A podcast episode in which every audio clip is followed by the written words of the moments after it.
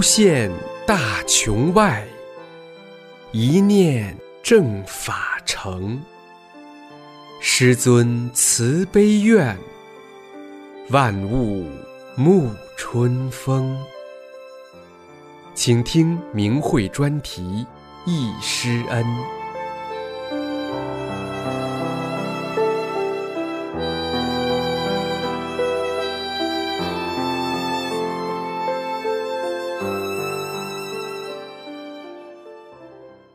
下面请听明慧文章《浩荡师恩难报》，选自明慧网二零零八年八月三号文章。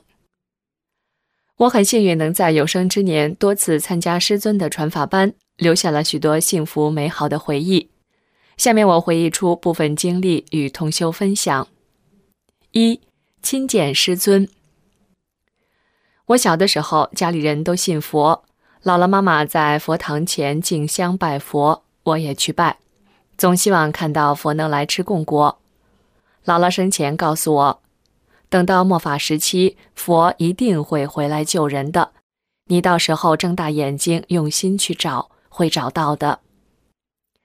一九九三年五月是我最幸福、终生难忘的日子。就在这天，我见到恩师，喜得大发，我终于找到了末法时期下世救人的佛。和这千万年等待的法轮大法。这天，朋友打电话来告诉我，有个非常好的法轮功学习班，让我去参加。我心想，还不都是一样？我参加的气功班太多了，花掉了很多钱，不想再去参加气功班，就告诉朋友说，经济条件不允许，不能去了。可这朋友怎么也不放过我，还说让我去听一听，就知道该不该参加了。还说不用我交学费，我推不掉朋友的好意，心里想就去应付一下吧。一看表，离开课时间还有半个小时了，放下电话，我就去了省委礼堂。长春法轮大法第五期传法班，师尊是在省委礼堂办的。我来到省委礼堂门前，映入眼帘的是人群中师傅那高大魁梧的身材。和那慈悲祥和的笑脸，我突然感到有种似曾相识的感觉和久别重逢的激动。我控制着激动的心情奔向师傅，朋友把我拉到师尊面前说：“他就是李慧莲。”师尊微笑着问我：“你就是李慧莲吗？”我回答：“是啊。”师尊又问：“你想学法轮功？”我坚定地回答：“想学。”师尊说：“那好，你放松站好，把眼睛闭上。”我不知道为什么，感觉心里酸酸的，控制着快要流出的泪水，顺从地闭上眼睛。这时，眼前有一团光球在晃动，我睁开眼睛偷看，那是师尊的手在给我净化身体。几分钟过后，师尊让我睁开眼睛，我望着师尊，我急忙双手合十。感谢这宏大的施恩。师尊为我拿掉了身上许多不好的东西，使我这已经乱了套的身体、修炼不了的身体、罪业满身的身体得到了净化。师尊为我指出了修炼的路、归真的路。我知道我真的得救了。师尊让朋友把我送进会场，并且免了我的学费。我很没悟性，没交学费就参加了长春法轮大法第五期传法班。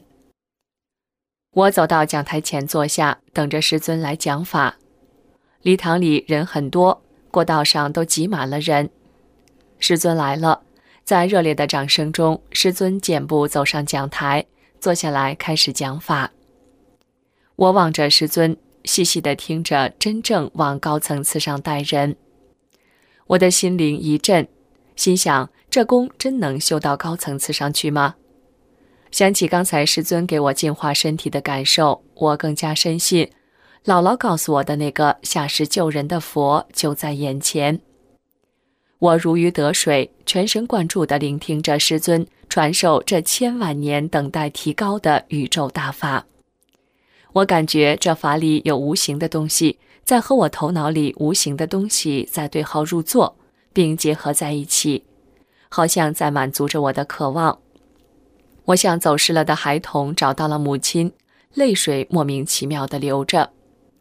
为了让我有缘人都回归大法，我便通知我的朋友、亲人，抓住这万古机缘，都来参加传法班。来不了，我就替他们请书，并请师傅签名。那天师尊讲关于天目的问题，我坐在礼堂里，觉得前额不断的转，越转越快，眼睛也跟着转起来了。突然，眼前出现像电视机里的雪花一样闪着光。又变成了一片红，出现了很多花的图案，非常透明，色彩鲜艳。又变成了各种颜色的光球在眼前滚动，光球的里面是非常透明艳丽的紫色，光球的外面变着颜色，由蓝色的光、绿色的光、红色的光、金黄色的光滚动着。一会儿，师尊的讲台也变得很大，好像是离我好远好远。师尊也越来越高大，随着我视线的转移，我的眼睛看哪儿，哪儿就有师尊讲法。我的头也好像变大了，空了。师尊讲法的声音在我这空大的头里回荡着，我好像忘记了我是在听课，心里什么也想不起来，睡过去了。后来我才悟到，我的头是有病的。师尊让我在麻醉状态下净化我的头，为我拿掉了业力的根源。得法前，我是居士，家里有佛堂，供四尊佛像。师尊讲到开光后，我担心家里的佛像没有达到真正的开光，就遵照师傅所讲的，拿着师傅的照片，打着大莲花手印，请师尊给佛像开光。我记得是六月初一的晚上，夜深人静。我打开佛堂的门，桌上的佛灯，面对着通亮的佛堂，心想：不管你们是谁，我都要请我师父清理你们，给你们开光。我请来了师尊的一张照片，打着大莲花手印，捧着师尊的照片跪在佛堂前，心里想：请师傅给佛像开光。只见佛堂内三次金光四射。同时，我感到身体也三次被一股很强的热流充盈着，我汗流满面，被惊呆了，心想：这金光从何面来？佛堂怎么会如此发光呢？这么强的能量流又是什么威力呢？这是我学很多气功都没有感受到的。我又想，普天下谁的照片能让佛堂发出金光，对人体能产生这么强的能量流？这时我有点贪心，就想还是让师傅把每一尊佛像都开光吧。师尊满足了我的愿望，四尊佛像，每尊佛像又闪了三次光。这十二次光闪完后，我已经热得满脸的汗水往下流，衣服也被湿透了，因为我的身体又被热流充盈了十二次。朋友送我一个带有阴阳八卦图的坐垫套。我感觉上面的信息不好，我想请师傅帮我清理一下。我拿来搭在窗台上，用熨斗压住。我又捧起师尊的照片，心想，请师傅把垫上的不良信息清掉。这坐垫套又闪三次金光，并且垫上的图案不同的颜色闪出不同颜色的光，真是好看极了。我当时很兴奋，生出了欢喜心。通过给佛像开光，使我感悟到师尊的伟大和对众生的宏大慈悲。师尊为弟子所付出的一切，让我更真切地看到了法轮大法的神奇，认定了这千万年等待的下世救人的大穷佛主，更坚定了我修炼法轮大法的决心。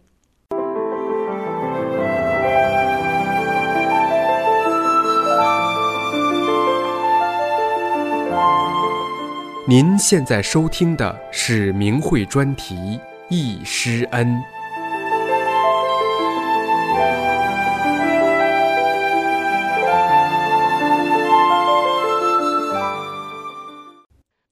十天的学习班即将结束了，学员们都依依不舍。我还没有听够师傅讲法，怎么办呢？我便走到讲台前问师傅：“下次办班在哪儿办呢？”师尊笑着告诉我。让我去吉林大学礼堂。师尊的长春第六期传法班于一九九三年七月六号在吉大礼堂开班了。我又随着师傅参加了第六期、第七期传法班。一九九四年八月又去了延吉，又一次亲耳聆听了师尊讲法。通过这四次学习班的学习，使我身心受益很大，身体有多种疾病都在不知不觉中好了。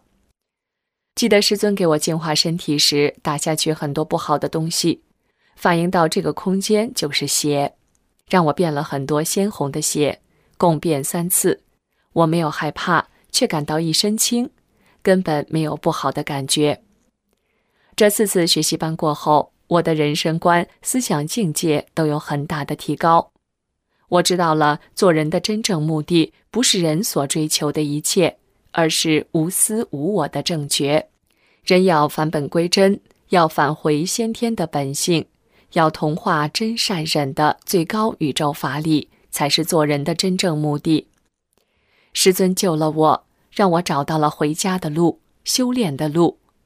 法轮大法洗礼了我，真善忍最高的宇宙法理造就着大法图。二，为大法说公道话。一九九九年七月二十日，这是个刻骨铭心的日子，也是大法弟子永生难忘的日子。就在今天，将是一小撮与共产邪党利用谎言欺骗、毒害善良百姓，破坏法轮大法，让师尊和大法蒙冤，让亿万大法徒遭难。他们犯下了滔天大罪，我万分悲痛，心里有很多不解与不公，心想。这么大个国家领导人，为什么黑白不分、是非不明啊？我决心为师傅、为法伸冤，要向政府、向人民说明情况，要把我在大法中受益的体验告诉政府和人民，让法轮大法与世永恒。我便和同修一起去省政府和平请愿，去信访办反映真实情况，往中央信访部门写信，给江某某、朱镕基写信。后来得知信根本无法寄出，都让邮局给扣留了。我明白了，在省里解决不了中央的问题。两千年三月，我带着写给中央领导的信去北京天安门正式大发。天安门前警车密布，警察便衣成群。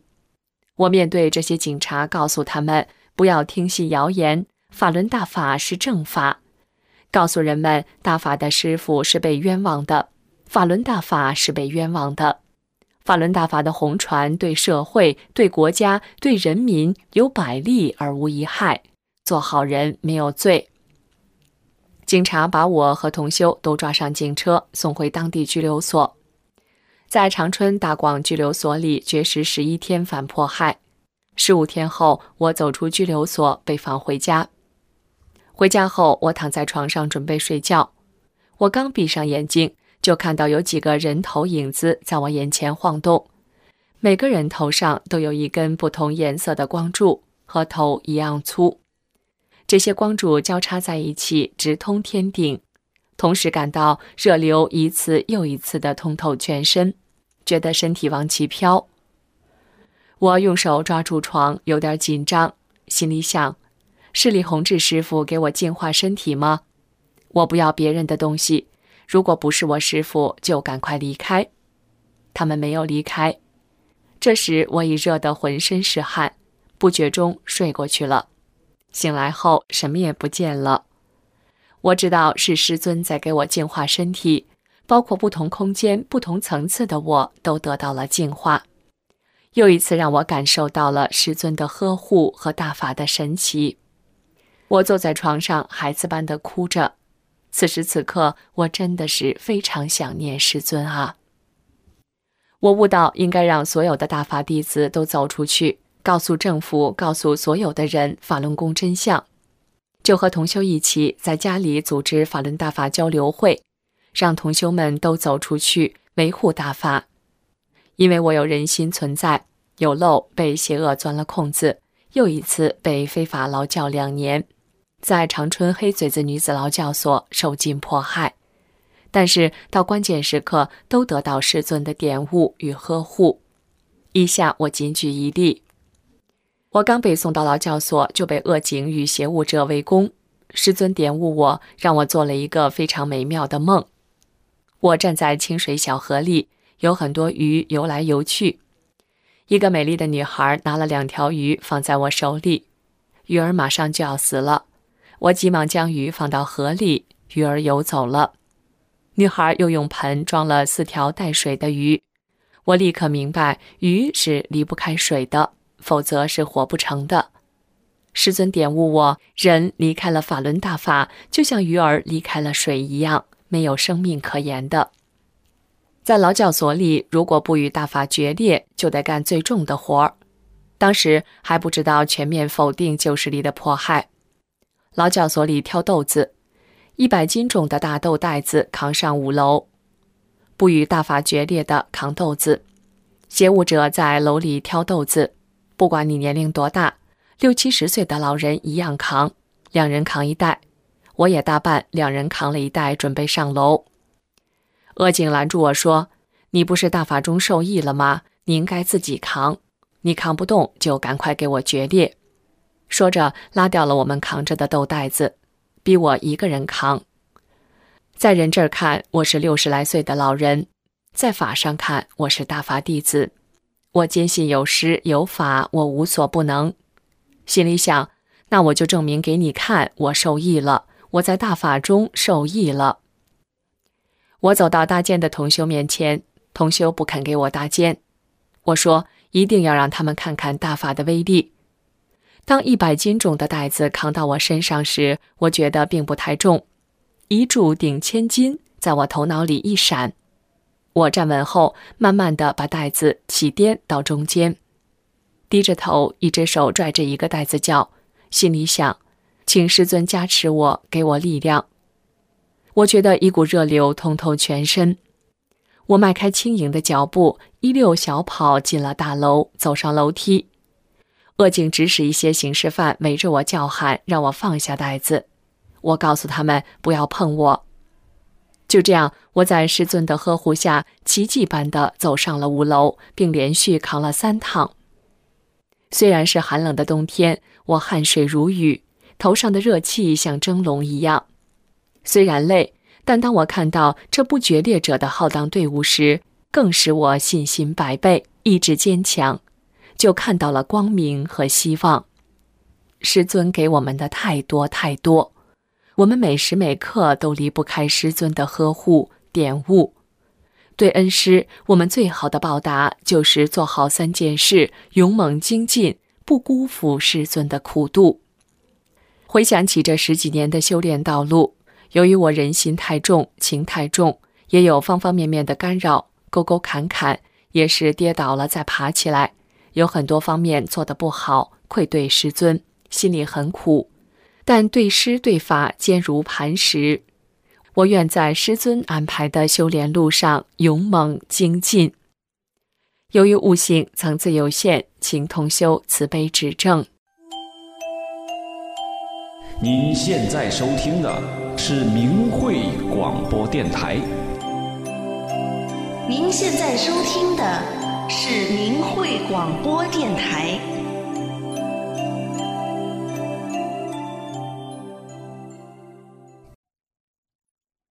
请听易师恩专题文章《珍贵的回忆，明心的教诲》，继李洪志师傅锦州传法。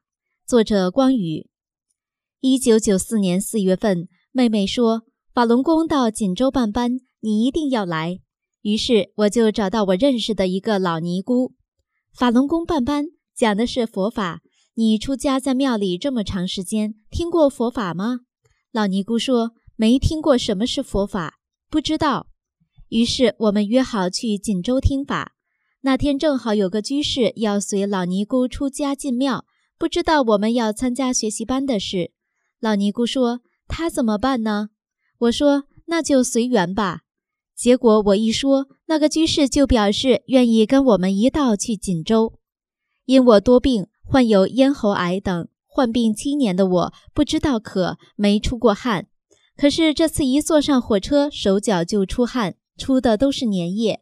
后来明白，还没看到师傅的面，就开始给我清理身体了。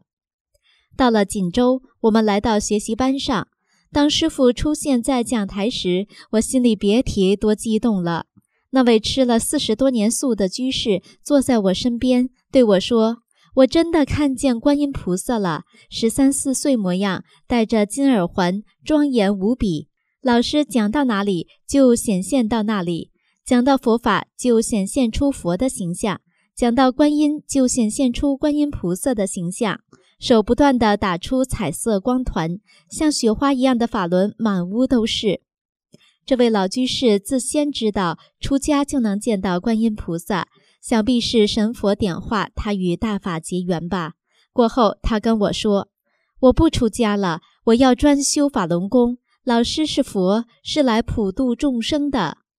良缘已到，家里是庙，佛来普度，金光大道。”两讲课听完了，和我一起来的老尼姑知道师傅讲的是佛法修炼。自己出家多年，竟不知道自己修的是哪一法门，不由得哭了起来。最后那堂课是学员提条子，师傅给学员解答问题。因为老尼姑总是哭，不能等了，我只好去问师傅。当时师傅在讲台右侧的沙发上坐着，和善的目光望着我。我走到师傅跟前，说：“老师，有一位尼姑，她不知道该怎么办，她哭了。”师傅说：“你去告诉她，都一样。”我刚要走，师傅说：“你回来，把他叫来。”我把老尼姑找来，走到台上面门口时，还有那么一段距离。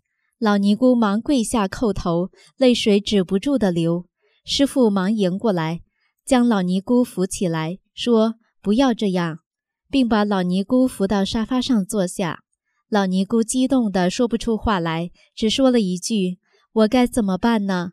师傅那无限慈祥的目光示意台上，告诉他说：“都在这儿呢，观音菩萨、释迦摩尼都在这儿呢。”老尼姑听到师傅这番话，心里惊喜万分。原来如此，天上的神佛都来助师传法度人了。老尼姑庆幸自己能够聆听师傅的一番开示，庆幸自己能够得到佛家大法。这是多大的造化啊！一天下课后，正是晚上九点，我们坐在后排，先走出去。外面下着雨，不大不小。走出会场很远，只见师傅不知什么时候从后面走过来，在我们前面过横道，向左侧走去。当时我看见师傅顶着雨走过来时，就大声说：“这不是老师吗？”师傅听到我说话的声音，转过头来，面带微笑，同我们打招呼。我望着师傅在雨中远去的背影，心里埋怨这里的学员怎么不给师傅安排车呢？怎么能让师傅顶雨走呢？其他气功师传功都是车接车送，而我们的师傅却没有那么做，顶雨不行。每当我回忆这段令人难忘的经历，总要想到那些出家人、僧人、道士，还有社会上的一些居士。要知道，法轮大法是我们能修回去的唯一希望啊！千万年的等待就在今天，机缘不能错过啊！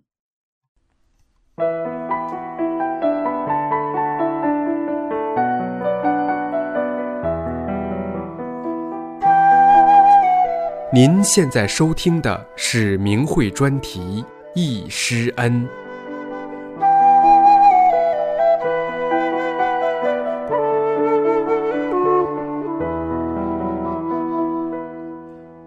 下面请听明慧文章，回忆师傅莅临齐齐哈尔市传法。明慧网二零一零年十一月二十二日，齐齐哈尔市坐落在松嫩平原上。这里世代繁衍生息着淳朴、高大、侠义、豪放的人民。齐齐哈尔市过去叫做老不奎，美丽的扎龙乡是候鸟丹顶鹤栖息的湿地，因而齐齐哈尔市也称作鹤城、鹤乡。丹顶鹤也叫仙鹤，它使人联想到华夏古老的修炼文化，联想到得道成仙、乘鹤而去的修道之人。不知这片土地、这片土地上的父老乡亲，以及这片土地上的法轮大法修炼者，与法轮大法有着怎样的因缘？李洪志老师曾于1993年7月16号来齐市传法，很多人有幸亲自聆听了李老师的讲法。李洪志老师当年来齐市传法时，下榻于五一宾馆的301房间。李老师身着白色衬衫，显得干净清爽。每每要求服务员打开房间时，总是客气而简单地说：“麻烦你把我房间打开。”宾馆的服务员都觉得这位气功大师伟岸气质非凡，一定是位高人。可是这位高人对每个人又都那样和蔼、平易近人。五一宾馆距离李老师传法的电业文化宫和龙沙公园都很近。李老师早晨常到龙沙公园走走。一天，李老师在公园散步时，看见一个妇女背着一个十二三岁的男孩。李老师上前问道：“这孩子怎么了？”妇女答道：“瘫痪了。”李老师说：“你把他放下。”妇女说：“他瘫痪了。”李老师又说。你把他放下吧。妇女把孩子放下了，李老师给他动了两下，孩子就站起来了。很多人一下子都围了上来，惊讶地说：“站起来了，站起来了！”那个妇女激动地说：“这不是神仙吗？我得谢谢他。”回头刚要说谢谢，一看那位恩人已经走了。齐齐哈尔的人都知道，在龙沙公园二号门门前，经常能看到一位拔牙卖药的南方人。他药摊上的那一堆牙像小山一样高。李老师在《转法轮》第七讲中对此有所论述。我在齐齐哈尔办班时，看到街上摆摊的有一个人给人拔牙，一看这人就是南方来的，不像东北人的装束，来者不拒，谁来他都给拔。牙拔出那么一堆来。中国古代的科学和我们现代从西方学的科学不一样，它走的是另外一条路，能带来另外一种状态，所以不能用我们现在这种认识方法去认识中国古代的科技，因为中国古代的科学是针对着人体、生命、宇宙，直接奔这个东西去研究了，所以走的是另外一条道路。李老师当年在骑士传法时，曾打出很多法轮，寻找有缘人。讲法班还未开班，一名学员就感到法轮在身体上旋转。当聆听到李老师讲法时，才恍然明白。李老师还亲自为骑士建立辅导站、练功点。讲法班结束时，李老师不让学员们去火车站送行。学员们只好在电业文化宫门外的必经之路等待师傅走过，和师傅告别。大家都眼含泪水，怀着依依惜别的心情，目送师傅一行人渐渐在茫茫夜色中离去。法轮大法是中国古老的佛家上乘修炼大法，自1992年5月由李洪志先生从长春传出。至今已红传世界一百多个国家和地区，包括台湾、香港、澳门，修者上亿。修炼者以真善忍为指导，身心得到净化与升华。可是，这样的高德大法却在中国大陆一地遭到从古至今最残酷的迫害。九九年七月二十日，江泽民出于妒忌和私利，公开发动了对法轮功的打压。九九年六月十号，江泽民成立了凌驾于国家宪法之上的、相当于当年文革小组的专职迫害法轮功的非法机构“六一零”办公室，在各地实施其对法轮功学员名誉上搞臭、经济上截断、肉体上消灭的灭绝政策，致使齐齐哈尔地区数名法轮功学员被迫害致死。众多修炼人被非法判刑、劳教、流离失所，无数家庭妻离子散，而且各监狱劳教所与骑士第一医院勾结，摘取法轮功学员器官贩卖后焚尸灭迹。然而，真理不会因为强权和暴力而失色。法轮大法信仰者没有被谎言所蒙蔽，也没有被酷刑虐杀所压垮。十几年来，法轮功学员不畏强权暴政，始终以坚不可摧的正信与超常的意志，和平理性的反迫害，坚持不懈地向民众讲述法轮功被迫害的真相，坚韧不屈的意志光照天地，也用血与泪谱写了捍卫真理的历史篇章。如今，法轮功高德大法获得各国褒奖已超过三千多项，法轮功书籍已经翻译成三十多种语言文字，发行世界各地。真善人精神超越种族国界，受到普世的赞誉。